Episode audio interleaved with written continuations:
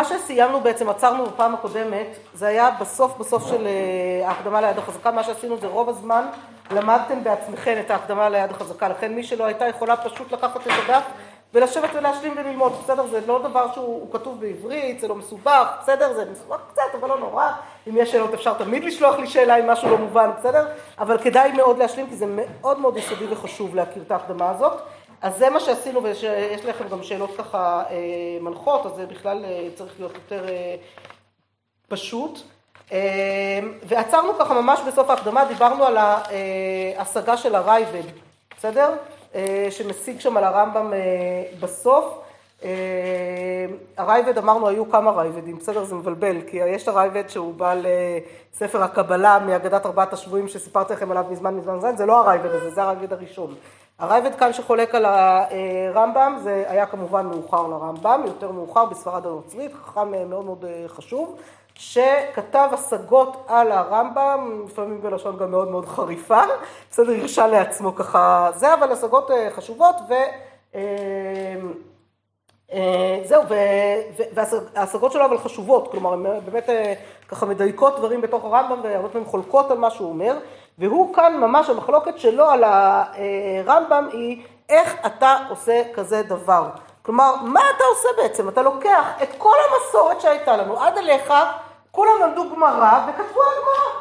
פתאום אתה אומר, זהו, אפשר למחוק את הגמרא, למחוק את כל מה שזה, אני אגיד לכם מה נכון, מה האמת וזהו, ככה לומדים תורה, ומתי ככה לומדים תורה? זו לא מסורת פסיקה, זה לא דרך פסיקה, זה לא דרך שאנחנו לומדים בתורה, והוא ממש ככה יוצא, אומר, אני לא מבין. אם אתה, אה, אם אני מסכים איתך, אז בסדר, אז אני אסכים, אין בעיה, אבל אם אני לא מסכים איתך, מי אמר שאני צריך לקבל דבריך, ואיך אני אדע איך להגיע לדברים שלך אם אתה לא נותן לי שום בסיס ושום מקורות, בסדר? זה, זה, ה, אה, זה, אם אתם רוצות אה, בלשונו, אתם תראו את זה, זה, ואנחנו נראה שבאמת הרמב"ם לא בקלות התקבל בגלל הדברים האלה, זאת אומרת, בגלל השיטה הזאת. שהייתה מאוד מאוד מאוד חדשנית, מאוד לא אה, מקובלת, ובצדק באיזשהו מקום גם לא מקובלת, כי כך לא עובדים. ועובדה שגם אחרי הרמב"ם, גם מי שכתבו ספרים וכולי וכולי וכולי, תמיד דאגו כן להביא איזה שהם יסודות, כן נשענו על דברים אחרים. אנחנו נראה את זה בספרי פסיקה נוספים, שזה, הדברים לא עובדים בצורה כזאת בדרך כלל. הרמב"ם היה באמת אה, פרויקט ככה ייחודי מצד שני. מה היינו עושים בלי הרמב"ם? זאת אומרת, זה לא... הוא עשה באמת פרויקט הזה. הוא מסביר כאן, הוא מסביר בהקדמה למה הוא בחר לעשות את זה, הוא אומר שהוא פשוט רואה, זה מתוך דאגה לכל העם, הוא אומר כל העם, רוב העם לא מסוגל ללמוד גמרא, זה קשה מדי, זה מסובך מדי, ואני רוצה שכל יהודי יוכל לקחת את הספר שלי ולדעת הלכה, ולדעת מה לעשות, ולא להסתבך. כי מי שירים גמרא לא ידע מה לעשות, כי הגמרא היא מורכבת הרבה הרבה יותר, אנחנו יודעות כמה גמרא לא, לומד, לא קל ללמוד ממנה הלכה, אפילו מי שיקח את פסקי הריף, אז הוא יקבל משהו מאוד מקוצר ולא יכול לפספס הרבה דברים. באיגרת לרבי פנחס הדיין במקור 2, שממנה נתחיל היום, נראה שאפילו הרמב"ם בעצמו בעצם הבין שבמידה מסוימת הוא קצת טעה במה שהוא עשה, וזה דבר מדהים לראות איך אדם גם יודע להודות ולהגיד אוקיי, זה, וגם נראה כמה חלקו עליו, בסדר? אז אה, כותב הרמב"ם באיגרת לרבי פנחס הדיין, רבי פנחס הדיין היה אה, מישהו ששלח אליו אה, אה השגה, השגות או השגה על מה שהוא כתב, הוא שואל אותו, מאיפה הבאת, אה, אחד הדברים שהוא שואל אותו שם בשאלות זה, מאיפה הבאת מקור מסוים לדבר הזה והזה, כן? ואז הוא אומר, וזה שאמרת שתמצא בחיבור דברים הנסתרים מפני שהם בלא ראייה ואין דעתך צלולה, לא היה לך לומר כן, אלא אילו היו בחיבור דברים, ש... בחיבור, דברים שהוצאתי אותם מפלפולי ומדעתי וכתבתי אותן סתם ולא הבאתי עליהן ראייה, וזה לא עשיתי אותו מעולם. כלומר, מה מעיד הרמב"ם ואומר? הוא אומר, כל דבר שאני כותב ביד החזקה, יש לו מקור תלמודי. אם אין לו מקור תלמודי, אז, ואני העליתי אותו מסברה שלי, אני אכתוב שזה סברה שלי.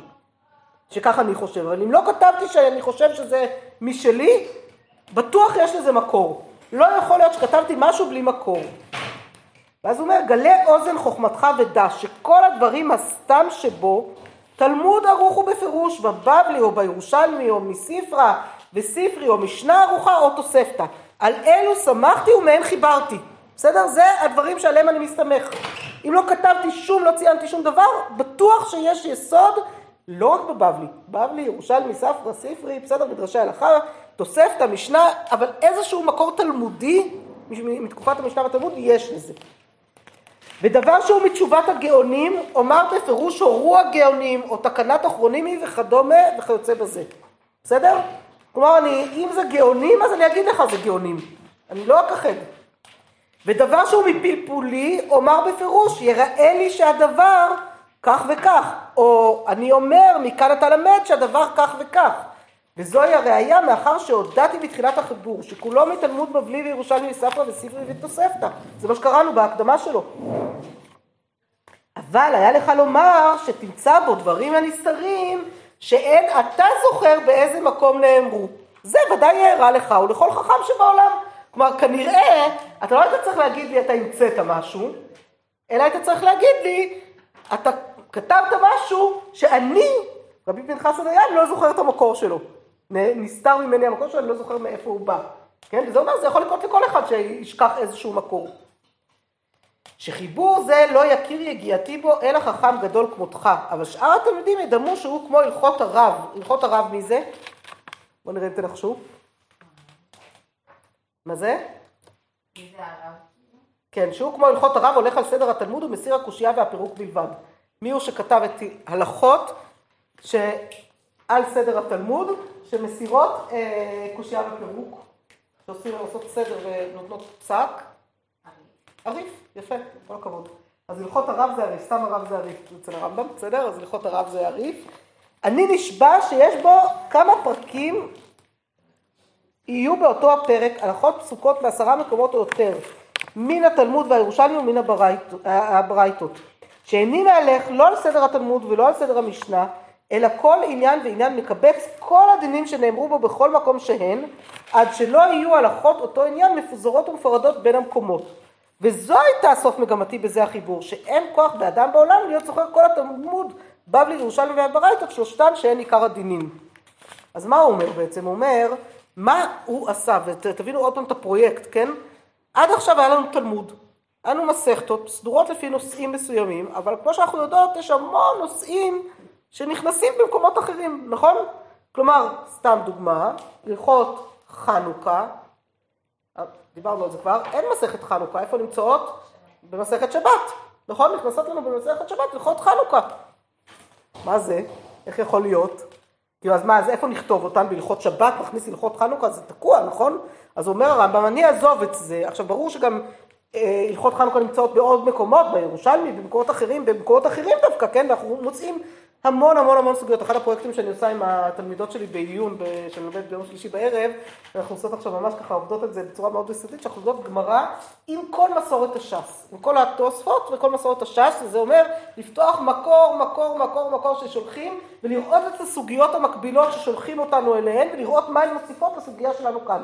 כי דברי תורה עניים במקום אחד ועשירים במקום אחר, והבבלי הוא ממש כולו שזור אחד בשני, כל הסוגיות הן מתקשרות בכל מיני צורות שהתוספות אלופים בלהביא לנו את ה... זו שיטת הלימוד שלהם, של בעלי התוספות, שהם מביאים לנו מכל רחבי התלמוד דברים שקשורים ו... ומקשים מתוך דברים אחרים, וצריך להיות בקיא ולהכיר את הש"ס. אבל רוב האנשים לא בקיאים בש"ס עד כדי כך, וגם כשאתה רוצה לקבץ ולעשות סדר בנושא, אז אתה צריך לקחת קצת משבת, וקצת מעירובין, וקצת מכתובות, וקצת מפסחים, וקצת מבבא קמא, בסדר? כי הכל נמצא שם בכל מיני מקומות אה, שבכלל לא היית מדמיינת שזה נמצא שם, ולדעת להיות בקיא בכל זה, ואז לקבץ את הכל למקום אחד, ולא, ולא דיברתי עדיין בכלל להביא דברים מהירושלמי ומהתוספתא וכל מיני מקומות אחרים, כן? שזה בכלל כאילו בקיאות עצומה שצריך. ואומר הרמב"ם, אני, הייתה לי הבקיאות הזאת, עברתי על כל הדברים האלה, קיבצתי את כולם, עשיתי לי סדר, תחשבו, זה לפני עידן המחשב, כן? של לעשות תיקיות וכאלה, זה לעשות את זה ביד, כן? עשיתי סדר בהכל, סידרתי את זה לפי נושאים באופן כזה שכל נושא, אני מביא לך הלכות שבת, אז תדע שבהלכות שבת יש לך את כל מה שצריך להיות מתוך הדיונים בכל התלמודים ובכל ה, הרחבי הש"ס בבלי ירושלמי, בסדר? והמדרשי הלכה והמשניות והתוספתא, כל זה קיבלתי לך בהלכות שבת בצורה מסודרת לפי נושאים, זה, זה פרויקט שהוא מדהים. כן, זאת אומרת, עוד פעם, עושה סדר בצורה יוצאת מן הכלל, אבל איך חוזרים אחר כך למקורות ככה? בסדר? הבעיה היא שעכשיו איפה אני אחזור למקורות, ותראו, וזה מה שהוא אומר כאן. ואני אומר לך, מה הראה לי אתה בדבר זה? בא אליי הדיין החסיד, וקונטרס מן החיבור בידו. יש בו הלכות רוצח מספר נזיקים. והראה לי הלכה אחת, אמר לי, קרא זו. קראתי אותה. אמרתי לו, מה ספק יש בזו? מה הבעיה? אמר לי, באיזה מקום נאמרו דברים אלו? איפה, מאיפה הבאת את ההלכות רוצח האלה, כן? כאילו, את ההלכה הספציפית הזאת בהלכות רוצח. אמרתי לו, במקומן. או באלו הן הגולין, או בסנדרין, בדיני הרוצח. זאת אומרת, יש לנו מקום מסוים שבו למצוא את הלכות רוצח, זה נמצא שם, לא? אמר לי, כבר חזרתי על הכל ולא מצאתי. בסדר, אני חיפשתי, חיפשתי בדיוק כמו שאתה אומר, היה ברור שצריך קודם כל לחפש שם, לא מצאתי. אה, אמרתי לו, שמא בירושלמי? אז אולי זה פשוט אה, זה. אמר לי, ביקשתי ולא מצאתי לא בירושלמי ולא בתוספתא. השתוממתי כמו שעה, ואמרתי לו, אני זוכר שבמקום פלוני מגיטין התפרשו דברים אלו. כאילו, טוב, חשבתי על זה ככה, הוא חשב, הוא תפס את עצמו, הרמב"ם אמר, אז זה לא באלו הגולים, ולא בסנהדרין בהלכות רוצח, אז איפה זה כן? זכור לי בגיטין. הוצאתי גיטין וחיפשתי, ולא מצאתי. כלומר, גם הרמב"ם לא מצליח למצוא את המקור לדברים שהוא כתב, כן? הוא לא, לא מצליח לעזור. תמהתי ונבהלתי, ואמרתי, היכן נאמרו דברים אלו? הנח אתה עד שאזכור מקובל. הוא אמר לו, עזוב, תשאיר, אני אזכר. שוב, אנחנו חיות בעולם שבו אין מדיה, כן, היום אנחנו כאילו לא מבינות את זה בכלל, מה זה, עושים חיפוש בפרויקט השו"ת, גוגל, לא משנה מה, מישהו יקפיץ לי את הזה, אין דבר כזה, כן, צריך למצוא. הוא יצא ואני זכרתי. שלחתי שליח והחזרתיו, והראיתי לו הדברים מפורשים בגמרא יבמות, אגב גררה. כלומר, מה קרה שם? ביבמות הביאו סוגיה בנושא אחר, ודרך הסוגיה הזאת הגמרא כדרכה התגלגלה להלכות רוצח, ושם זה היה כתוב. תמה והלך. בסדר? אז הוא ככה, בסדר. וכן תמיד אני בצער מזה שיבוא השואל וישאל היכן נאמרו דברים אלו. פעמים אומר לו מיד, במקום פלוני, ופעמים לא. וחייך לא אזכור מקומן עד שאחפש אחריהן, ועל זה אני מצטער הרבה. כשאני אומר, הרי אני המחבר, והתעלם ממני מקום, מקום דבר זה, מה יעשו שאר בני אדם? באמת ראינו, אני לא שלחתי לכם כמה פירושים נכתבו על הרמב"ם, רק על הדף יש לנו איזה חמישה, בסדר, על הדף כמו שמדפיסים את הדף של הרמב"ם, אבל חוץ מהחמישה הידועים על הדף, יש שם עוד עשרות אם לא מאות חיבורים על הרמב"ם. זה משהו מטורף, זה באמת לא יאומן. פתחתי פרויקט השו"ת, אפילו רק פרויקט השו"ת, גם הם לא הכניסו את הכל על מפרשים על הרמב"ם, זה לא נגמר. בסדר? זה ממש עשרות חיבורים, לפחות, אם לא, לא יותר מזה. ואז הוא אומר, ועל זה ניחמתי, ניחמתי משמעותו, מה זה? התחרטתי, נכון? ולא נחם אלוקים דרך ארץ פלישתים כי רוב לא, כאילו לא רצה, חזר בו מהתוכנית המקורית, בסדר? אז ניחמתי זה, כאילו הצטערתי על מה שעשיתי בעבר. ועל זה ניחמתי שלא חיברתי עם חיבור זה עניין שאני אומר לך, ובדעתי, אם גוזר השם יתברך שאעשינו, מה שהוא כנראה לא הספיק לעשות בסוף, אף על פי שיש בו טורח הרבה, שכל הלכה שאינה במקומה באותו עניין הודיע מקומה. כיצד? כגון הלכות שבת מחיבורי. כל דבר שהוא בפירוש בשבת או בעירוב ענייני צריך להודיע מקומו. אם ידעו שבת או עירוב אם אתם רוצים להבין איפה המקור של זה. והלכה מלכות שבת שהיא בעבודה זרה, או בפסחים, או בזבחים, או בכרתות, הודיע מקומה. ואומר הלכה פלונית מפרק פלוני מן החיבור, מקומה בפרק פלוני ממסכת פלונית. ויהיה זה ספר בפני עצמו. שאי אפשר לעשות זה בגופו של חיבור שאינו דרך פירוש, כמו שאמרתי לך.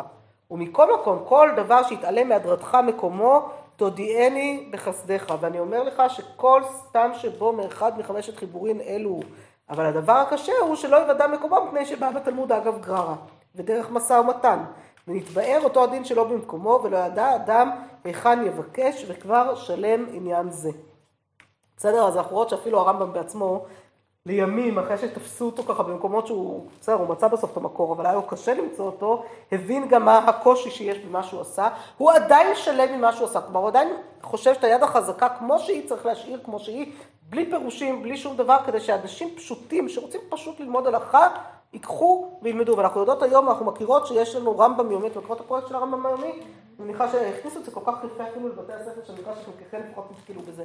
וזה דבר מדהים, באמת אפשר לקחת הבת שלי, יש לה סדרים משלה, אז יש לה את הרמב"ם היומי הקטן, ויש לה משנה ברורה קטן שהיא קנתה לעצמה, ויש לה אה, כמובן אה, חומש, שניים מקרא ואחד תרגום, ונביאים וזה, היא עושה לעצמה סדרים ככה, כל דבר שמה ללמוד. אז אחרי, אני לא זוכרת פה מה הסדר בדיוק, אז אל תתפסו אותי למידה, אבל אחרי שחרית אז היא לומדת שתי הלכות ברמב"ם, ואחרי מנחה היא לומדת שתי הלכות בזה, ואחרי ערבית משנה ברורה, וככה היא מחלקת היום באופן כזה שיש לה את התמידים וככה היא עוברת על הכל. וזה מדהים כי היא באמת מספיקה לעבור בצורה כזאת על כל ה... אה, על, על, על המון המון המון ספרים, ורמב"ם זה ממש היום עם, ה, עם המהדורה הכל כך יפה הזאת של הרמב"ם היומי, באמת קל ללמוד את זה, כי יש שם פירוש יפה של הרב שטיינזלץ, וכאילו ממש קל יחסית, אה, זה פותח, זה קל, זה לא, זה לא מסובך, ואני ממש ממליצה, כאילו פשוט לקחת רמב"ם ולהתחיל ללמוד רמב"ם יומי, זה לא, לא בשמיים היא, בסדר? דווקא בגלל שהוא זכה אה, לכתוב בצורה כל כך, בלשון זהב, כל כך ברורה ופשוטה, זה קל. אז הוא אומר, זה צריך להשאיר למי שרוצה ללמוד הלכה כסדרה, בלי להסתבך, מה המקורות, מה, מאיפה הבאתי, מה זה.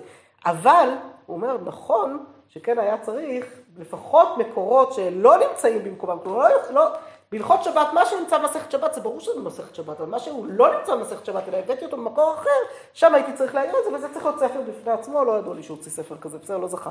אבל אה, השאיר מקום אה, לכל הפרשנים אחריו למצוא ולעשות, ויש באמת, אמרתי לכם, המון פירושים, צריך לדבר על חלקם, אני לא חושבת שנספיק, אבל תתחילו להכיר, תפתחו רמב"ם עם הדף הרגיל שיש בו אה, פירושים, תראו, תלמדו קצת מי, אתם יודעות מי כתבו פירושים על הרמב"ם? מכירות קצת פירושים על הרמב"ם או בכלל לא?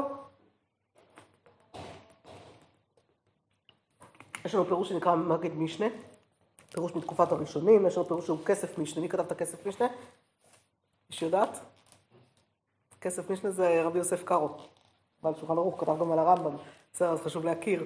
אה, הגאות מימוניות, גם כן אה, חיבור אשכנזי חשוב. בקיצור, יש אה, לא מעט, תתחילו להכיר, אני לא, לא רוצה להרחיב בזה עכשיו, רוצה שנכיר את הרמב"ם עוד טיפה, ויש לנו גם את הרמב"ן להיום, אז אני לא מעריכה בזה עכשיו, אבל זה, זה יסוד שחשוב להכיר, בסדר? אני פשוט לא רוצה לעשות גם סדר יותר מדי בלאגן ברצף ההיסטורי, ונתחיל לקפוץ לכל מיני אחרים מתקופות אחרות, אבל כן תכירו, בסדר? זה, זה עוד פעם, אני אומרת, זה, זה כאילו בסיס של לדעת איך ללמוד ואיך להכיר את הדברים.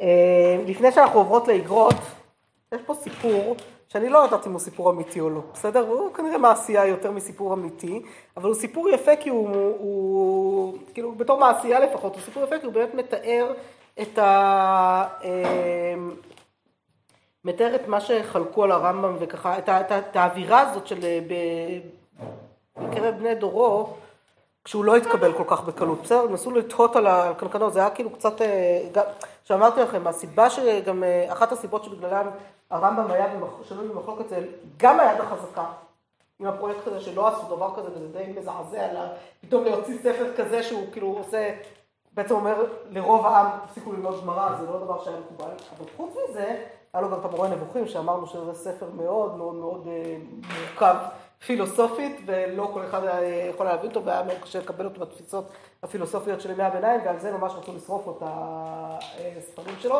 הייתה אווירה מאוד אה, לא פשוטה, ולקח זמן לרמב"ם להתקבל, בסדר? זה לא היה בפשטות. וכבר בזמנו אומרים שהיו, שבדקו אותו, ראינו רבי פנחס הדיין ששלח אליו אה, זה, ובא ושאל אותו, ואחרים, זאת לא קיבלו בקלות מדי את כל מה שהוא אה, אומר. אה, וסיפור, סתם סיפור חמוד, אה, אומרים שרבני גרמניה באותם ימים ניסו להבין מה זה הדבר הזה, כן? ושלחו אליו שליח, הסיפור פה כמו שהוא כתוב באיזה אתר של חב"ד, לדעתי יש בו טעות, כי אני לא חושב שהסיפור הזה יכול להיות בספרד, כי הרמב"ם יצא מספרד אה, המוסלמית, כשהאלמוחידון אה, גזרו את הגזרות וגירשו שם את כל היהודים לכל המקומות, והוא נדד ונדד ונדד והתיישב במצרים, הרי יותר סביר שהסיפור הזה היה במצרים, לכן הסיפור ככה קצת מפוקפק בעיניי אה, בכל הפרטים שהם מביאים שם, אבל הסיפור כבסיס הוא מספר שהגיע, שלחו איזה שליח בשם רבי מאיר ל... לרמב"ם, שיתייעל קנקנו, יבדוק מה, מה, מה זה, אני לא יודעת אם השייך הוא הרבי מאיר שרבי, מהר"ם מרוטנבורג, רבי מאיר מרוטנבורג, אה, שמאוד מאוד החזיק מהרמב"ם בסופו של דבר, כן, אחרי שהוא גילה שהוא תלמיד חכם, אה, אולי זה היה הוא, למרות שהוא היה קצת יותר מאוחר, אני לא יודעת אם זה היה בדיוק הסיפור בזמנו, בכל מקרה שלחו אליו שליח, והשליח מגיע, אה, כשהוא מלווה על ידי איזה תלמיד, והוא הגיע לבית של הרמב"ם, ומוכנס על ידי איזה משרת, איזה עבד שהיה לו שם על הרמב"ם אה, תקופה שעדיין היו משרתים ועבדים אה, זה, ואמרו להם שהוא כרגע אוכל ארוחת צהריים. והזמינו אותם להצטרף אליו לארוחת צהריים. בסדר, הוא אמר שהוא הודיע לאורחים שהגיעו, והרמב"ם יצא להם והזמינו אותם להצטרף אליו. אמ,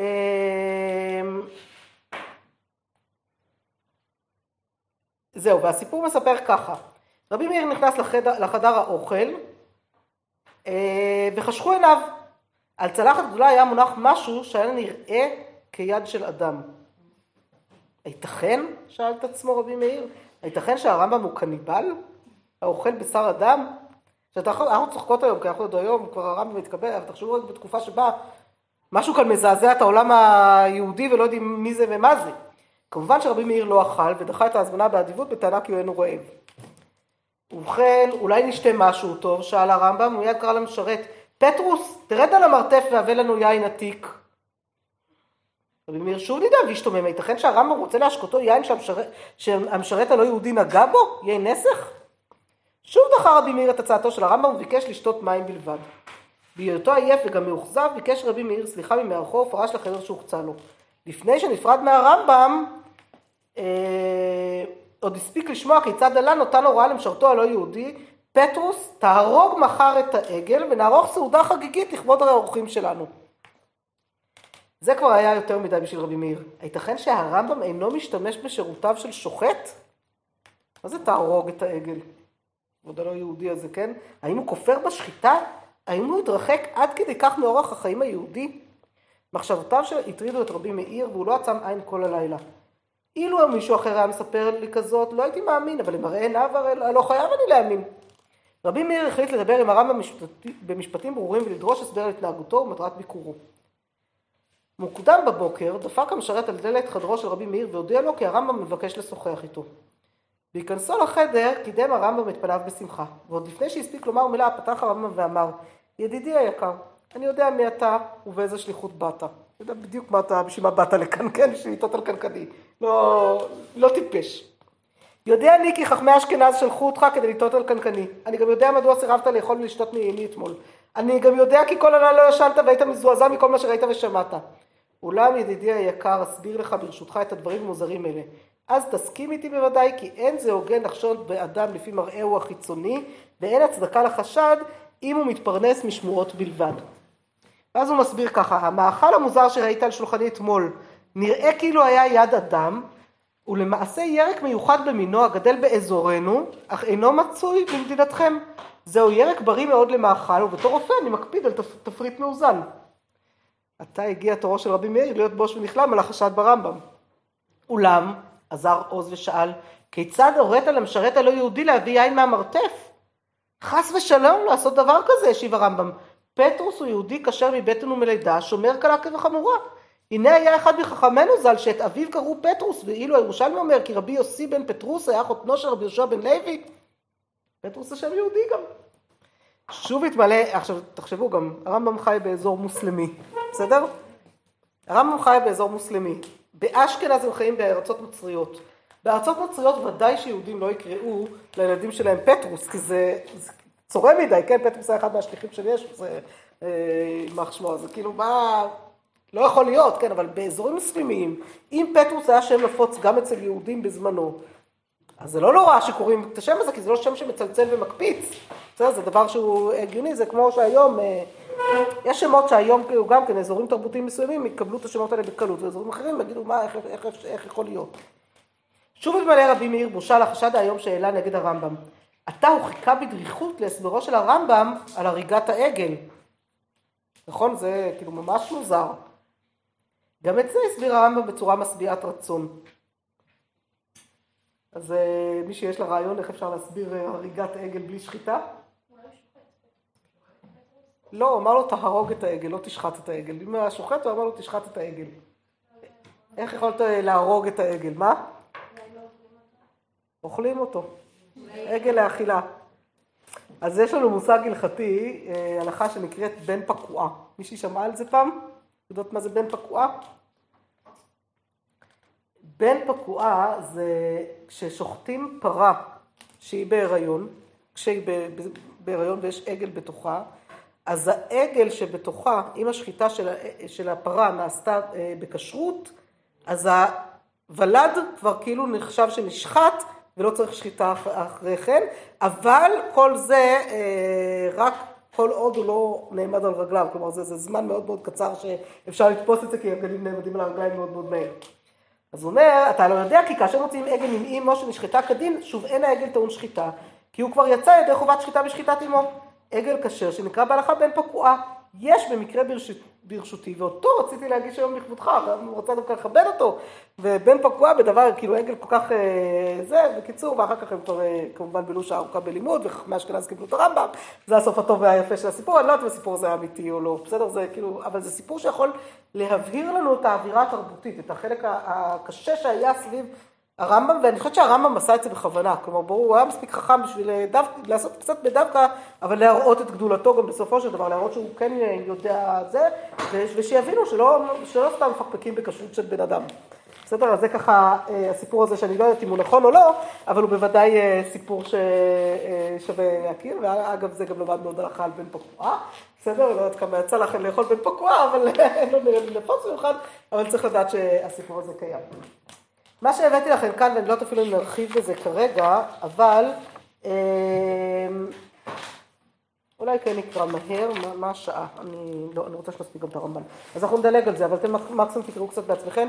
האגרות של הרמב"ם הם גם חלק מאוד מאוד חשוב בכתיבה שלו. אמרנו, הכתיבה שלו, דיברנו על כמה חלקים בכתיבה, נכון? אתם זוכרות מה? אני אחזור על זה שוב, כי יש הרבה שלא היו, בסדר? אז בכתיבה של הרמב"ם, תגידו לי עכשיו, מה הדברים ש... התפרסמו שהוא כתב שהם כל כך חשובים. מה זה? רגע, לפני האגרות. מה כבר דיברנו? מה? היד החזקה. היד החזקה זה משנה תורה. זה אותו דבר. שם אחר לאותו דבר. בסדר? מה זה? מורה נבוכים, שזה נכון, אבל זה לא כתיבה הלכתית. זה כתיבה פילוסופית, מחשבתית, בסדר? זה מחשבה. נכון. ו... אמרנו עוד משהו בפעם הקודמת שהוא מאוד מאוד מאוד חשוב גם כן להכיר. יפה נאמרה. פירוש למשנה, כל הכבוד. פירוש למשנה. בסדר? יש לרמב"ם פירוש למשנה, פירוש מאוד יסודי וחשוב, חשוב להכיר אותו. כשאתם לא קהתי, מה שבדרך כלל אנחנו עושות יותר קל לנו, אז קהתי פעם נזכר בפירוש הרמב"ם הרבה פעמים, אבל זה רק חלק מכאילו, זה גם דברים אחרים. מה זה? נכון, בדיוק. שמונה פרקים זה הקדמה לפירוש של מסכת אבות, בדיוק ככה. זה אחד החיבורים הידועים, כי אצלנו לומדים בתיכון. אבל אה, אמרתי לכם שאני כעסתי כשסיימתי תיכון והגעתי לאוניברסיטה וסוף סוף גיליתי מי הוא הרמב"ם באמת, והתקשרתי למחנך של אותה, תגיד, למה אני צריכה לגלות את גדולתו של הרמב"ם באוניברסיטה? זה כאילו, זה נשמע לך הגיוני, כאילו, סיימתי תיכון, אולפנה רצינית וזה, מה, מה זה הדבר הזה? ואז היא אמרה לי, מה, אבל אנחנו למדנו הלכות תשובה, שמונה פרקים, אמרתי, כן, אבל כל השנים האלה, כל מה שלמדנו זה הלכות תשובה ושמונה פרקים. שני חיבורים מאוד יסודיים וחשובים, אבל עם כל הכבוד, זה לא הרמב"ם, כאילו, לא, לא, לא תפסתי בכלל על מה אנחנו מדברים, עד שהגעתי לאוניברסיטה והתחלתי ללמוד כאילו אווירה, בחוג להיסטוריה, כן? לא שלמדתי, אה, אפילו לא בחוג לתלמוד, אבל אז פתאום התחלתי לקלוט מה הגדולה של האדם הזה ואת הדמות הזאת בכלל לא יכולתי לתפוס. אה, בתיכון וחבל, כי באמת זה, זה יסודות שזה, אם מישהו מלמד אותי את ההקדמה ליד החזקה, ולו את ההקדמה ליד החזקה בתיכון, אני חושבת שזה זה, לכן גם הבאתי לכם את זה כאן, כי אמרתי, מן הסתם גם אתם סיימתם תיכון. לצערי לא נראה לי שהשתנה יותר מדי בלימוד תושבע בתיכונים מאז אה, זמני. מה זה? ואפילו שמונה פרקים לא למדתם, אז בכלל המצב קשה. כן, לא, יופי, ברוך השם, לפחות. מאוד מאוד חשוב.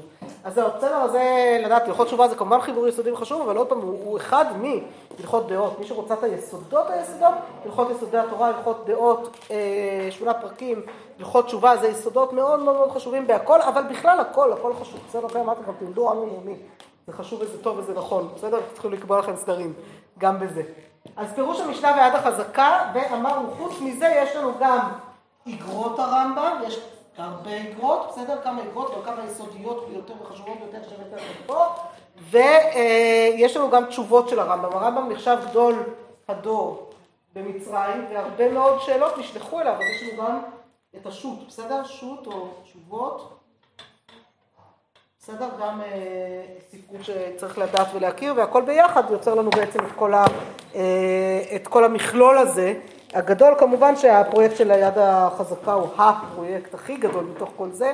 יש לנו את, וסליחה שכחתי לציין גם וגם חשוב מאוד מאוד מאוד, זה יפה ספר המצוות.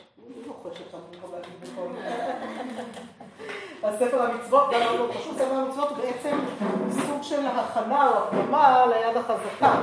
בסדר? כי הוא מונה את כל בניין המצוות, ואחר כך מסדר ומפרט ופותח את הכל. בסדר? אז...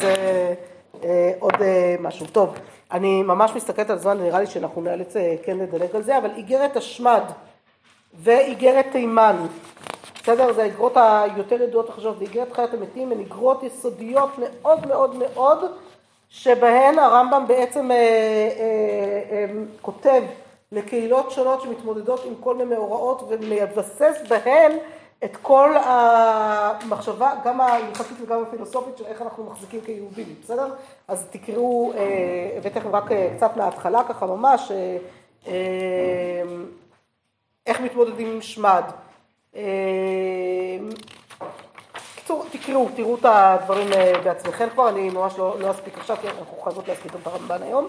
ואני אסיים ממש ממש במקור, במקור 6, המקור האחרון, הרמב"ם, הבאתי לכם פשוט רק את הפתיחה. אתם זוכרות שדיברנו על איך פותחים ספרים בהתחלה, בהתחלה, בהתחלה של השנה? זוכרות שדיברנו על זה או לא? אז עכשיו אני אזכיר לכם. כשדיברנו על המשנה ועל רבי יהודה הנשיא, שבא לעשות סדר בהכל, אמרנו איך פותחים, במה, במה פותחים, מה, מה אנחנו שמים אה, כבסיס, כן? וזאת שאלה מאוד גדולה במה פותחים. עכשיו, רבי יהודה הנשיא עשה דבר שהוא דורש הרבה לימוד, בסדר, אני עכשיו לא שיעור במסכת ברכות, אז אני לא אתחיל. אבל במה רבי יהודה הנשיא פותח לנו את כל הש"ס? מאימתי קוראים את שמע בערבית? הייתם פותחות ככה את החיבור שלכם בהלכות אה, בהלכה? כנראה שלא, נכון? מה אומרת, קריאת שמע בערבית? רגע, רגע, קודם תקום בבוקר, תקום, אחר כך תגיע לישון, נכון? מה פתאום פותחים בשמע בערבית? זה שיעור במסכת ברכות לא לעכשיו, בסדר? אבל אה, תחשבו על השאלה הזאת, שאלה מעניינת מאוד. בסדר, למה רבי נרצי פתח דווקא ככה? אם אני מסתכלת על הטור, רבי יעקב על הטורים שאנחנו נדבר עליו ונסתכל על מה הוא פתח, הוא פתח באמת בהלכות השכמת הבוקר, בסדר? הרבה יותר הגיוני. במה הרמב"ם פותח את החיבור שלו את היד החזקה? זה ממש מאפיין את הרמב"ם, לכן זה חשוב להביא את זה. אומר לנו הרמב"ם, יסוד היסודות ועמוד החוכמות, לידע שיש שם מצוי ראשון, והוא ממציא כל נמצא וכל הנמצאים משמיים וארץ ומה שביניהם, לא נמצאו אלא מאמיתת הימצאו. כלומר, במה הוא פותח? מציאות השם. אנוכי השם אלוקיך. קודם כל, מציאות השם. בואו נתחיל מזה, כי לפני שאני אומר מה אני צריך לעשות כשאני קם בבוקר. יסוד היסודות, שתדע שיש שם מישהו שמצווה עליך דברים, נכון? ושהוא היה, הווה ויהיה וכולי וכולי, וכל מה שקשור במציאות השם, וזה הלכות יסודי התורה. היסודות הכי בסיסיים של האמונה שלנו, הוא פותח בזה, ורק בהמשך, בהמשך, בהמשך, הוא מגיע אחרי שהוא מבסס הרבה מאוד דברים בהלכות תלמוד תורה, יסודי התורה וכל הדברים האלה, הוא יגיע אחר כך גם להלכות על סדר היום של היהודי. בסדר? אבל זה כאילו, הבסיס זה הרמב"ם. מאוד מאוד מתאים גם לתפיסה. בסדר? שכך פותחים. פותחים בהצהרת אמונה. בסדר? בביסוס אמונה. ביסוס אה, מאוד מאוד אה, חשוב. אז זה הרמב"ם בקצרה, אתם רואות, על, על קצה המזלג היה צריך הרבה הרבה הרבה יותר להרחיב בזה, אבל אה, אין מה לעשות, אנחנו בכל זאת עם איזשהו סד של זמן, ואנחנו עוברות ממש עכשיו בחצי שעה שנותרה לנו לרמב"ם.